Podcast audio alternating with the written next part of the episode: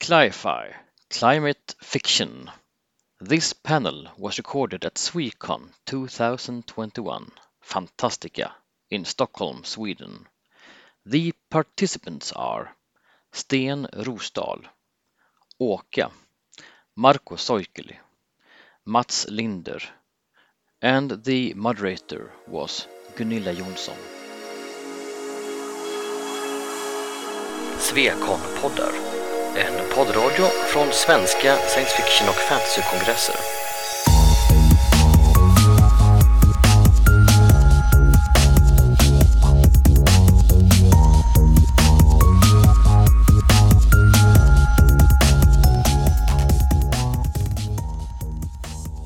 Hello, everybody. We are here on the first panel of the con to talk about climate fiction, the hottest and most tumultuous part of science fiction right now.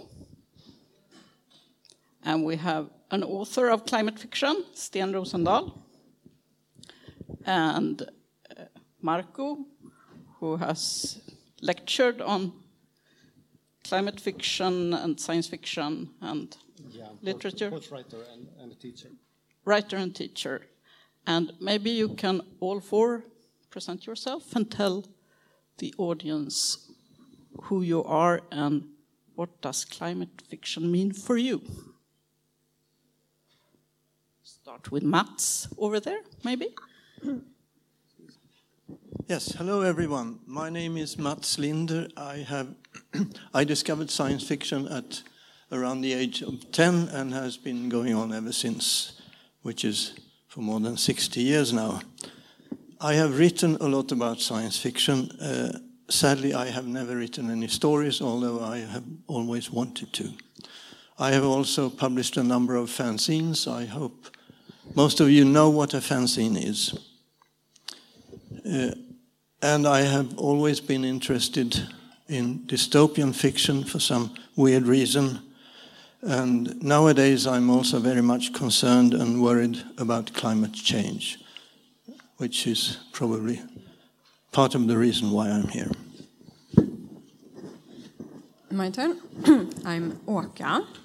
Um, my actual full name is Anna Davour, if you don't know me already. Um, I read a lot. I think um, I think it was Johan Anglemark who said that it's actually strange that climate fiction is a separate subgenre because you can't write science fiction uh, about any future without at least in some way explaining what has happened to the climate. You need to have changes and describe them, or you need to explain why nothing has happened. So, um, anyone who thinks seriously about the future needs to think about uh, climate change. And uh, I guess climate fiction is the fiction where the climate uh, change is in the foreground, but it, it should actually always be there.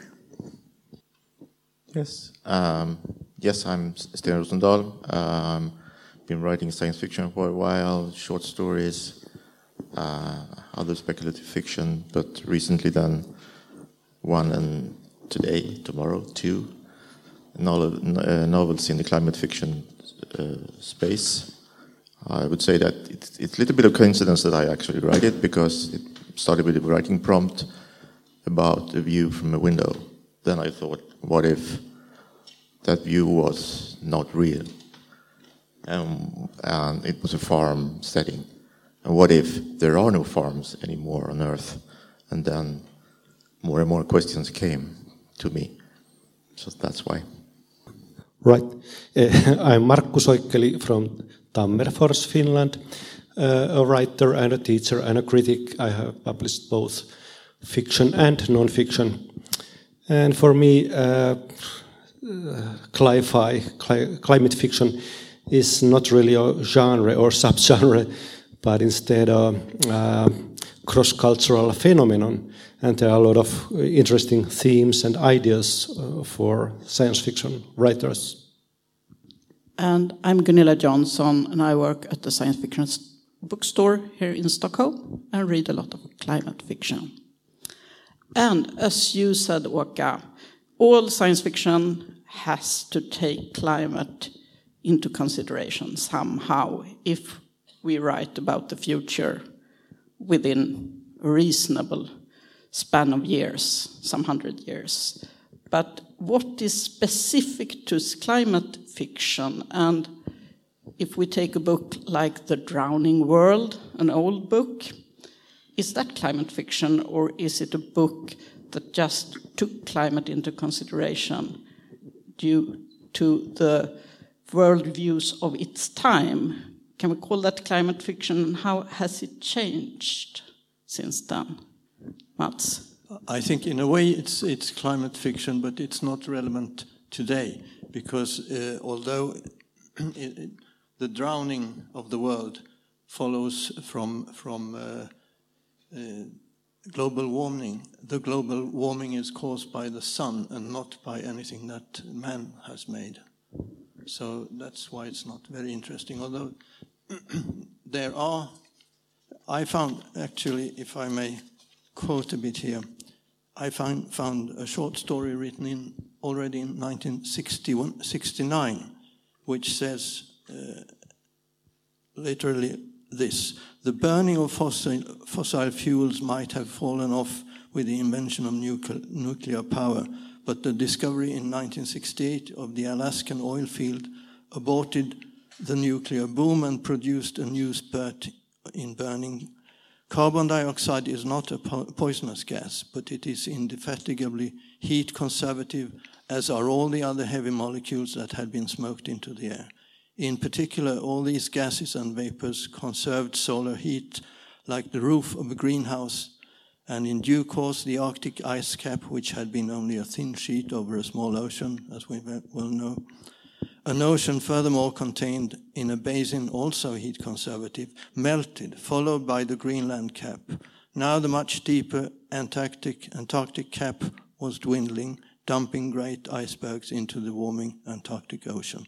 So this was written already in 1961 and 69, and it's almost a spot on explanation of what's happening today. It's a short story by James Blish called We All Die Naked yeah. quite impressive. So, so people knew, but many authors didn't take it into consideration until quite recently. I think I think there are many stories about weather control. Uh, older ones, like um, I think there is weather, weather control in, in uh, 124C41 plus. You know the uh, Gernsback story. Uh, but climate fiction is something that is uh, about the climate where, where we have lost control, right? We have done things uh, that that wasn't in, that weren't intentional. We we didn't intend to change the climate of the world, and now we have to deal with the consequences. But there's there's a difference between weather and climate because anyone can measure uh, weather and you need uh, big data to uh, make measures about climate. So if it's really, well, kind of climate fiction, there has to be some kind of scientific background. And as we say nowadays, it has to be some kind of uh, consciousness raising uh, fiction to be real climate fiction. Yes, and now we have ideas like the sixth extinction a larger breakdown of the biosphere that many authors take into consideration. How has that changed people's view when they write? Uh, I think we have a very different idea about the climate disruption today as compared to 15 years ago. Uh, one, one difference might be that long ago, we thought that, well, a million years from now, the climate will be very different, the Earth will be very different. And I think the, the, time, uh, the time perspective has been changed a lot lately. So it could be the same or similar scenarios, but in a very very shorter in a shorter time frame than before. I think you're very right there because I, um, most people didn't think that it would concern them, right? Uh, in in the previous century, when science fiction authors wrote about these themes, maybe they thought that uh, it would matter in a few hundred years. But now we are seeing things happening around us, and that makes it very different. But it gives new kind of challenges for science fiction writers because uh, finally reality has caught up with uh, fiction and science fiction. So if you want to be innovative and find uh, new kind of uh, ideas about uh, how the climate could be a, a, kind of metaphor for atmosphere of people and uh, find new ways to stop climate crisis. So you have to be really innovative in scientific way, but also in fictional way.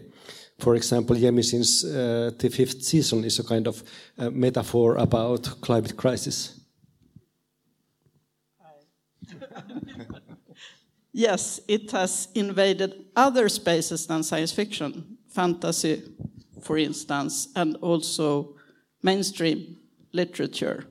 A lot of Swedish mainstream literature's books this year and last year has a climate theme is there a difference between science fiction writers using science fiction tropes and the whole history of science fiction to way back on, and writers coming from mainstream trying to handle the subject?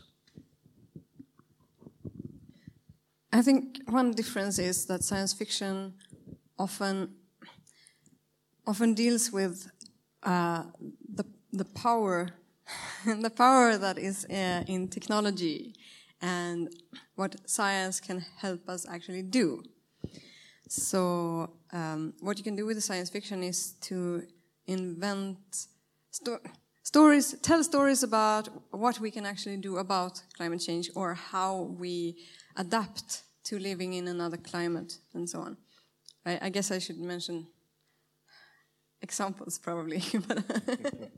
But please, please chime in if you have examples. Um, I mean, for for example, uh, Wind Up Girl would be one where we deal with uh, where we have a story about how we deal with living in a world that has changed.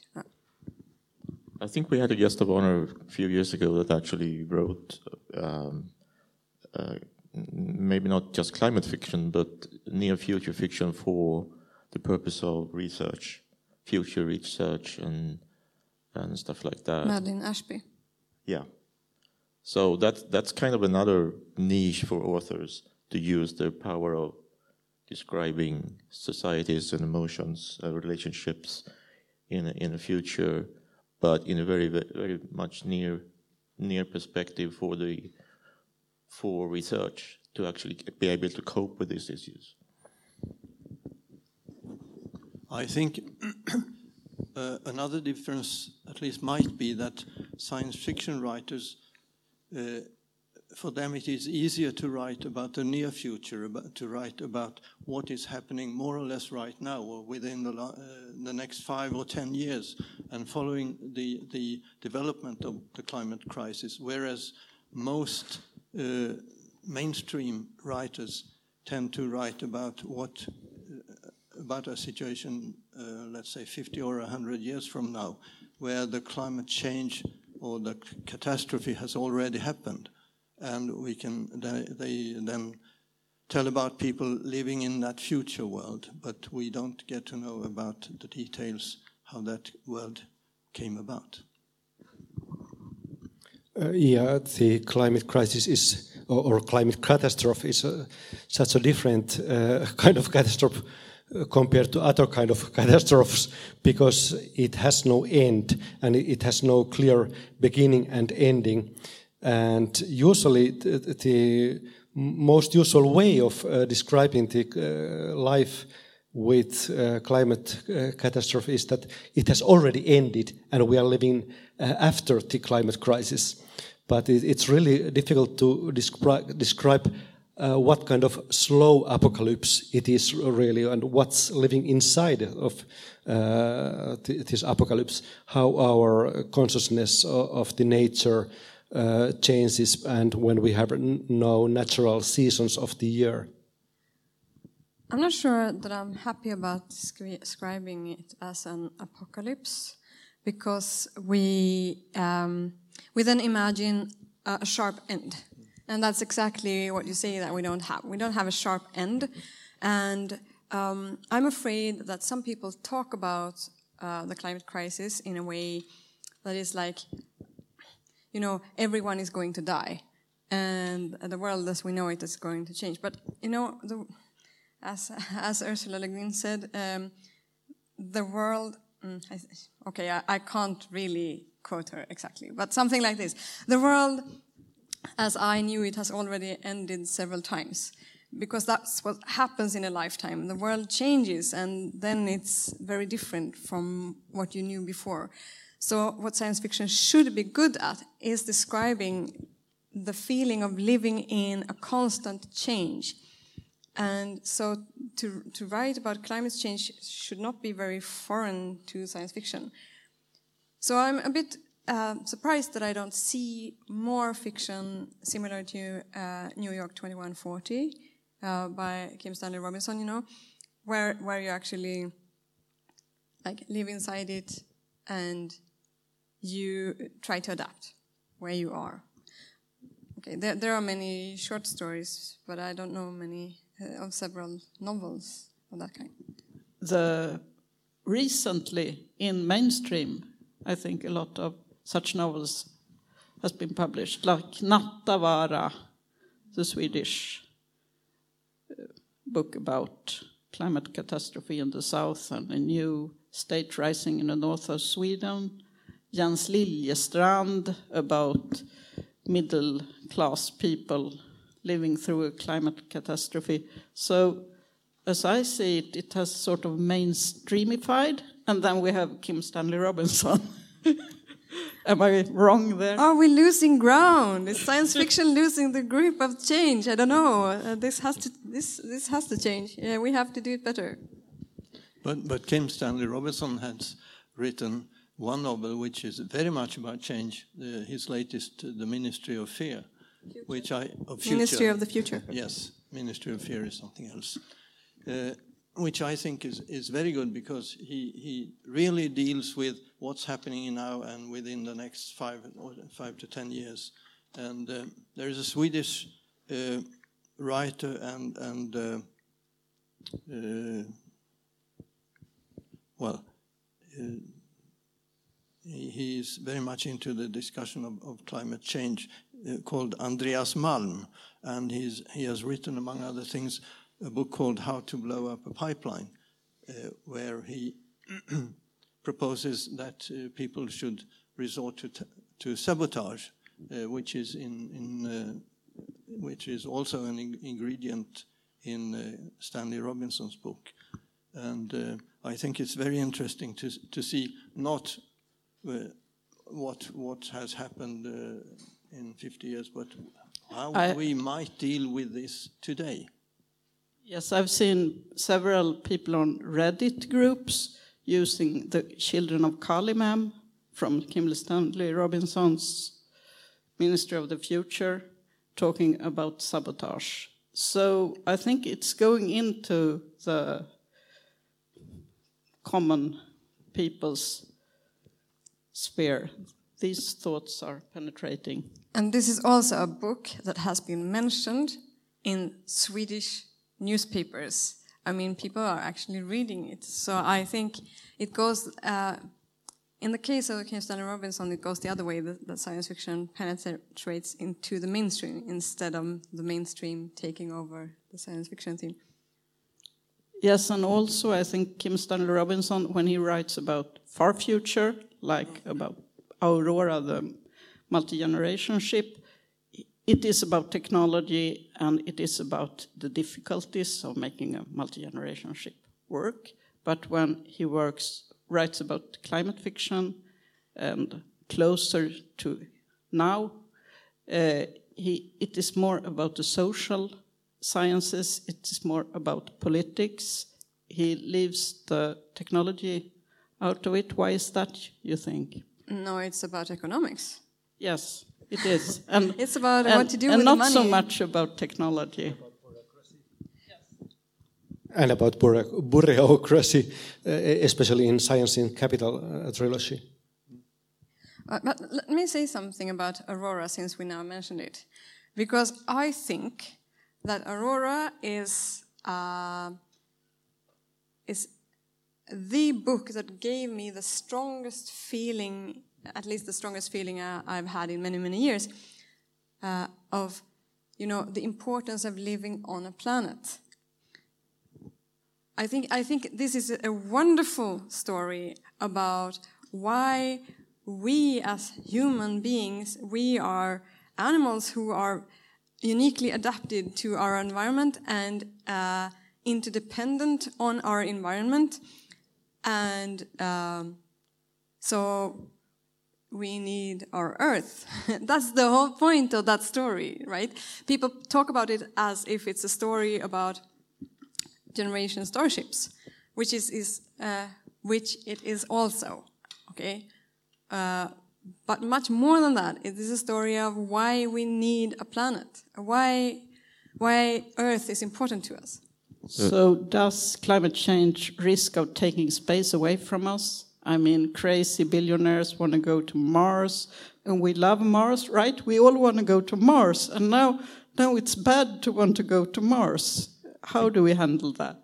I think there's so many uh, new TV series that actually is about colonizing other planets for different reasons, and no one, no one really works. No, it has the same problem as in Aurora, really.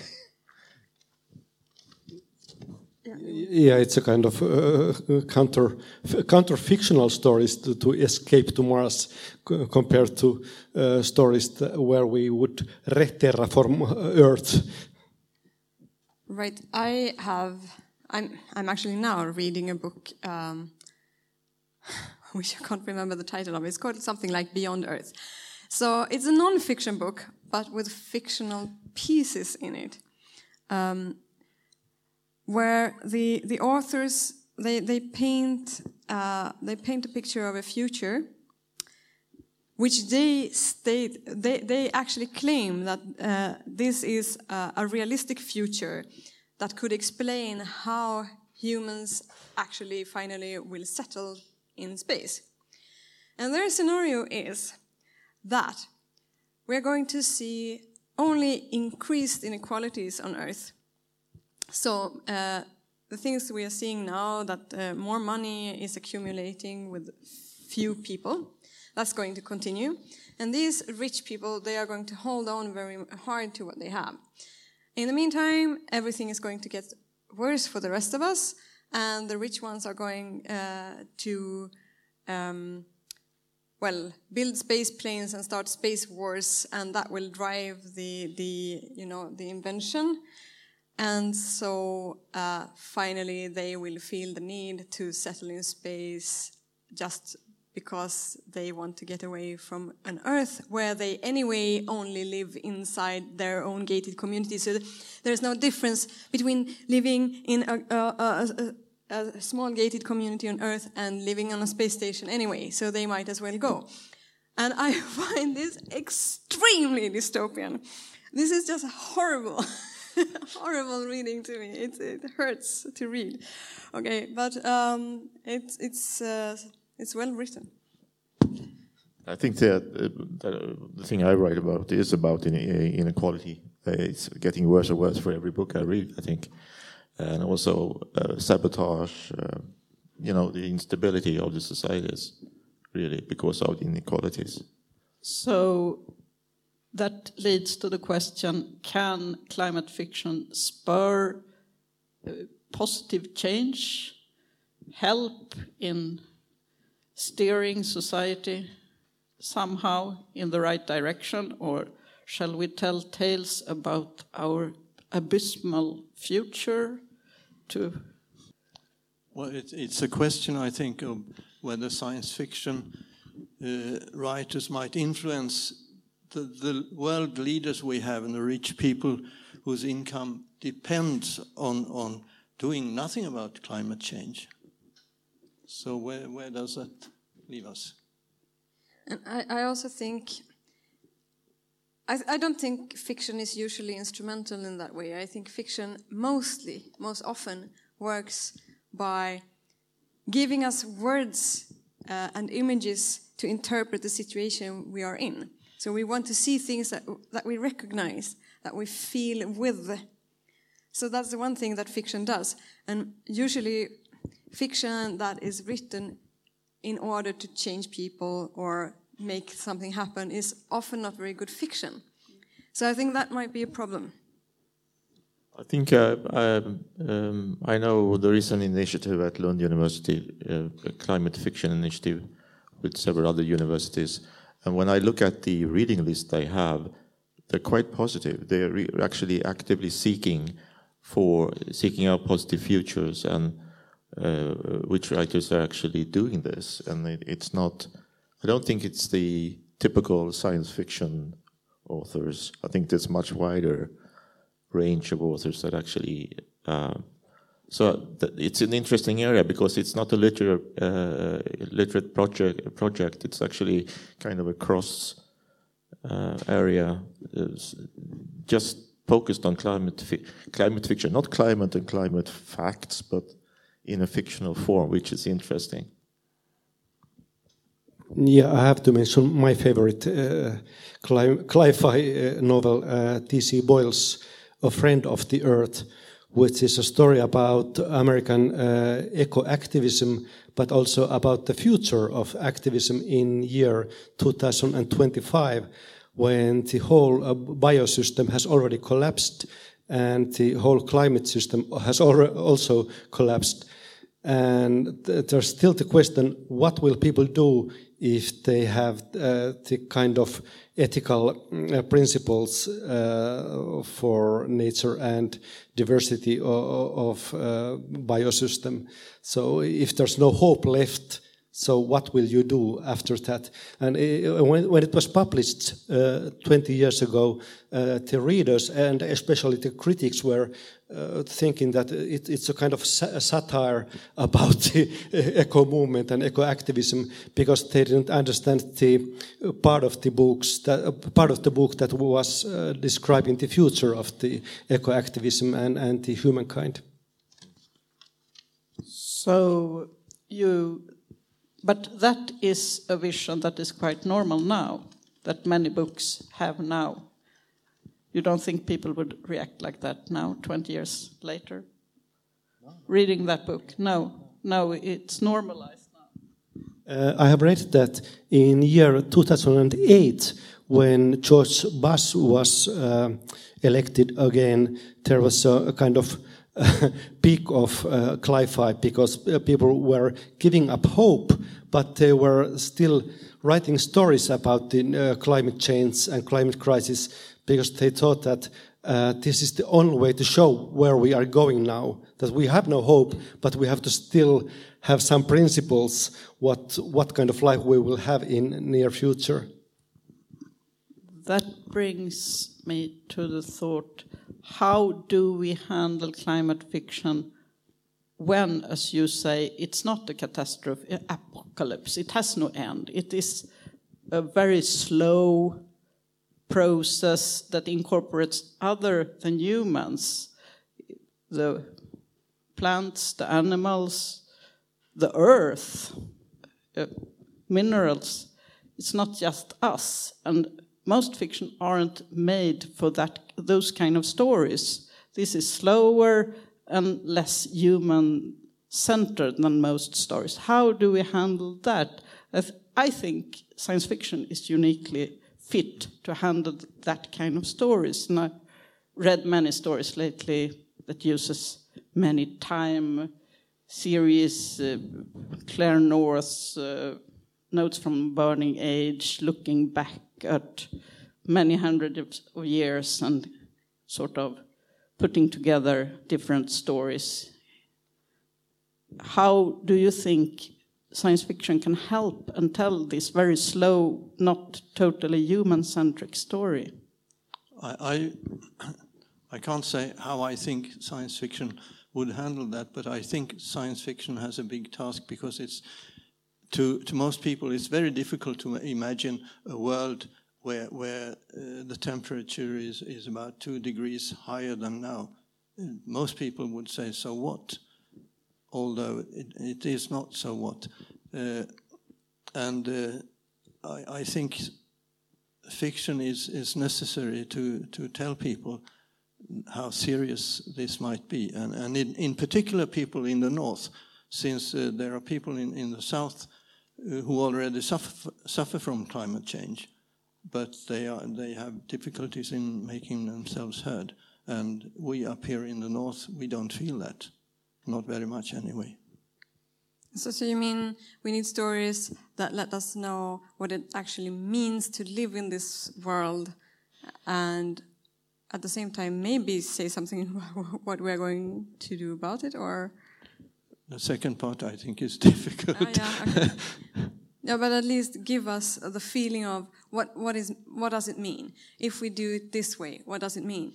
I, actually i was thinking um, these um, scenarios what are they called? The uh, the scenarios that ICCP use um, uses um, there are different future scenarios because you can't just calculate the climate because future climate depends on what we are doing now, how much uh, um, how much fossil fuels we will burn in the future, and so on. So they use uh, different scenarios uh, to calculate what will happen to the climate in the future. And RCPs. Yes, the, the but uh, the RCPs that the um, representative concentration pathways yeah. uh, that I remember, but there are also the SSPs, right? What does it mean? I don't remember, but that's about what happens in the society. I mean, uh, are we are we uh, doing something about the inequalities? Do we help the, the poor, uh, and so on? So um, these different scenarios, uh, I think they are a gift to the science fiction community. We, people should actually read them and use them and, and do something clever with them. Yeah, this is a good chance for kind of uh, world literature to give uh, global uh, view about what's, what will happen because it's so easy for us in, in North to write kind of uh, echo goat stories uh, about what will happen in south uh, and in near to uh, equator but it's harder to describe what kind of uh, climate we will have here in north and how we will survive here. And it's here that it's changing the fastest. Well, yeah, it is in, in yeah. the Arctic areas, it's changing the fastest. Uh, okay, if I may. Yeah, sure. Do you want to say something? Okay, so I think one problem that science fiction has uh, is uh, a kind of built-in dualism, because lots of science fiction treats humans as, you know, divisible creatures. You can you can divide the mind from the body, and you can also divide humans from their ecosystem. Uh, so I think uh, that's a problem that science fiction has to deal with. Uh, that we need to take a realistic view of what a human actually is and what we need to live um, and, and treat the stories, uh, tell stories that actually take this seriously. Uh, stop dividing people into mind and body and stop dividing people from their ecosystem because we are animals, right? We need to realize that we are animals. And we, can't, we can't beat nature. And what authors are good right now at telling these stories of Kim Stanley Robinson? Apart from Kim Stanley Robinson. I was more thinking of the mainstream authors, um, like um, Maja Lunde with the History of Bees. Um, they, they reach a lot of people, and so they're important. Uh, but do they tell the stories in a, in a way that's productive or useful for climate change, managing climate change? I, I don't know. I don't know. I don't. I don't think they know all the tricks that we have in the science fiction genre for telling stories about this. But they may have other tricks in, in the bag that's useful for yeah, for the other other stuff that we talked about. So maybe merge or more. They don't not that good at research either. So maybe we should be. And if you wrote climate fiction, which some of you do, what do you think is most urgent? You already told us, Oka, to tell us as the animals we are, describe that, and put us in our ecological niche and tell us what will happen to us. The rest of you, what do you hope from climate fiction? Because it's a swiftly changing genre, so what books do you wish for? I hope there would be scarier stories about the consequences of climate crisis. But uh, even uh, Cormac McCarthy's The Road, it's the well, it's the most scariest story about the world without nature. It's really a kind of echo goat but uh, well, it, it's not scary enough to give us uh, thoughts about what will I, what should I do uh, in, in this kind of uh, situation when we are seeing that Glasgow uh, conference was no use and the politicians are not ready to do anything or, or almost anything to stop the climate change. So it's really hard to say that what kind of novels we uh, still need.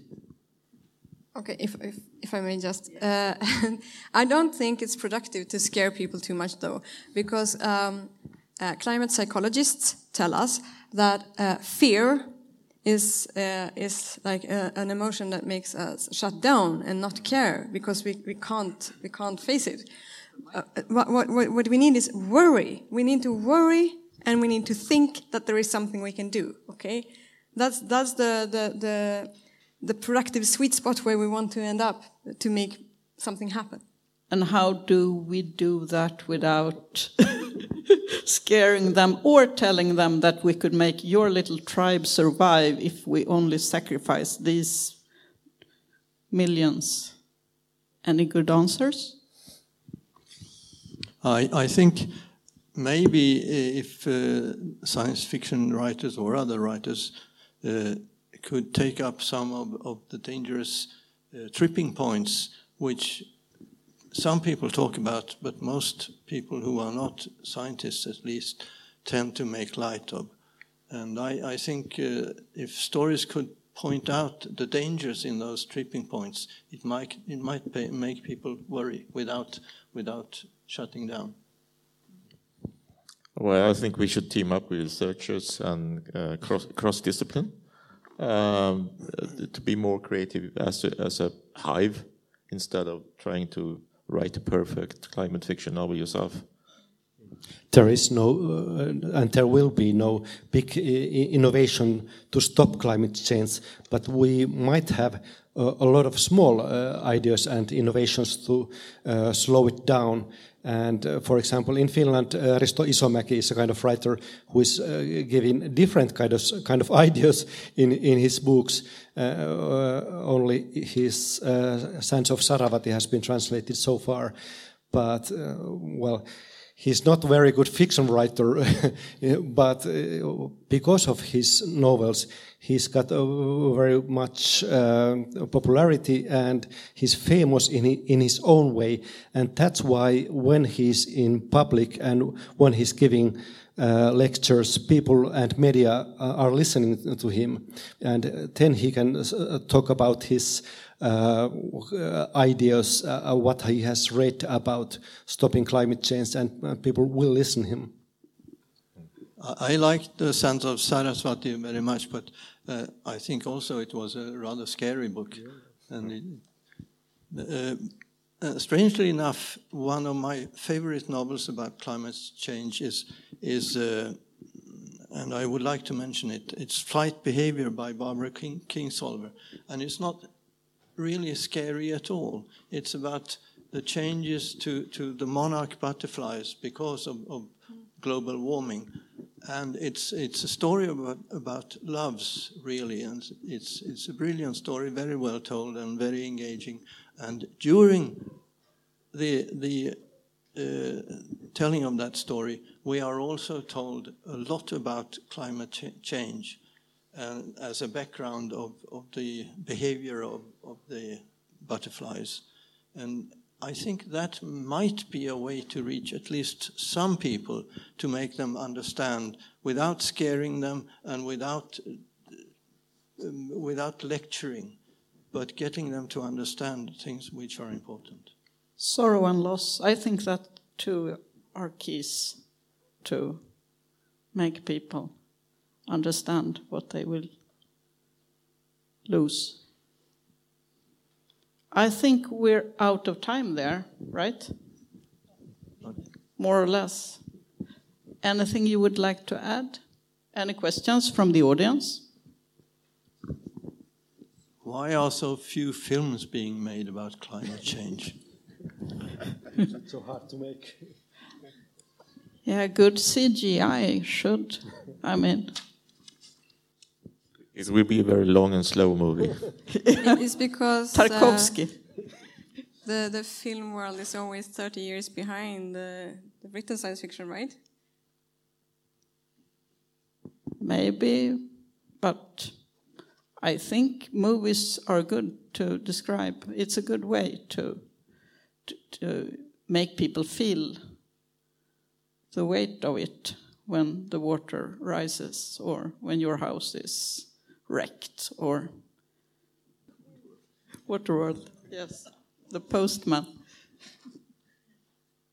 I, I think maybe the, the one I can remember, the day after tomorrow, Yeah. made people think, well, this can't be serious.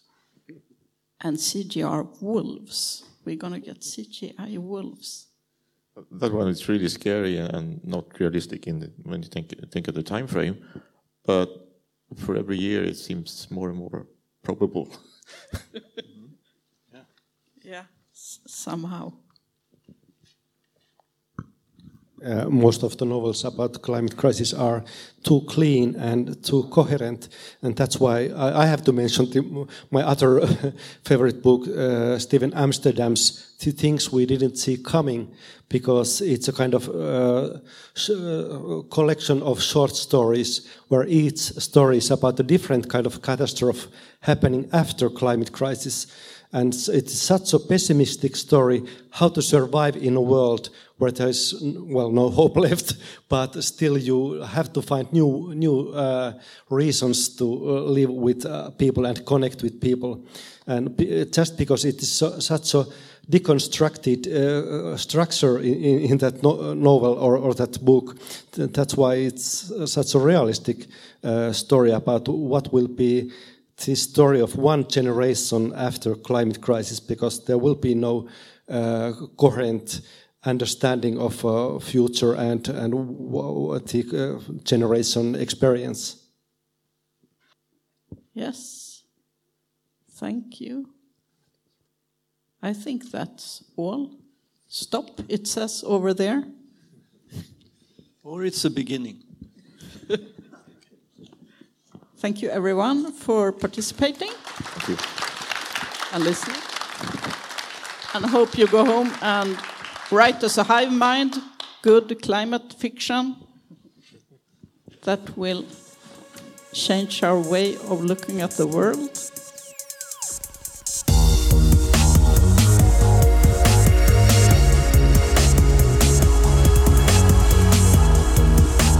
Musiken av Psychedelic Pedestrian från Free Music Archive.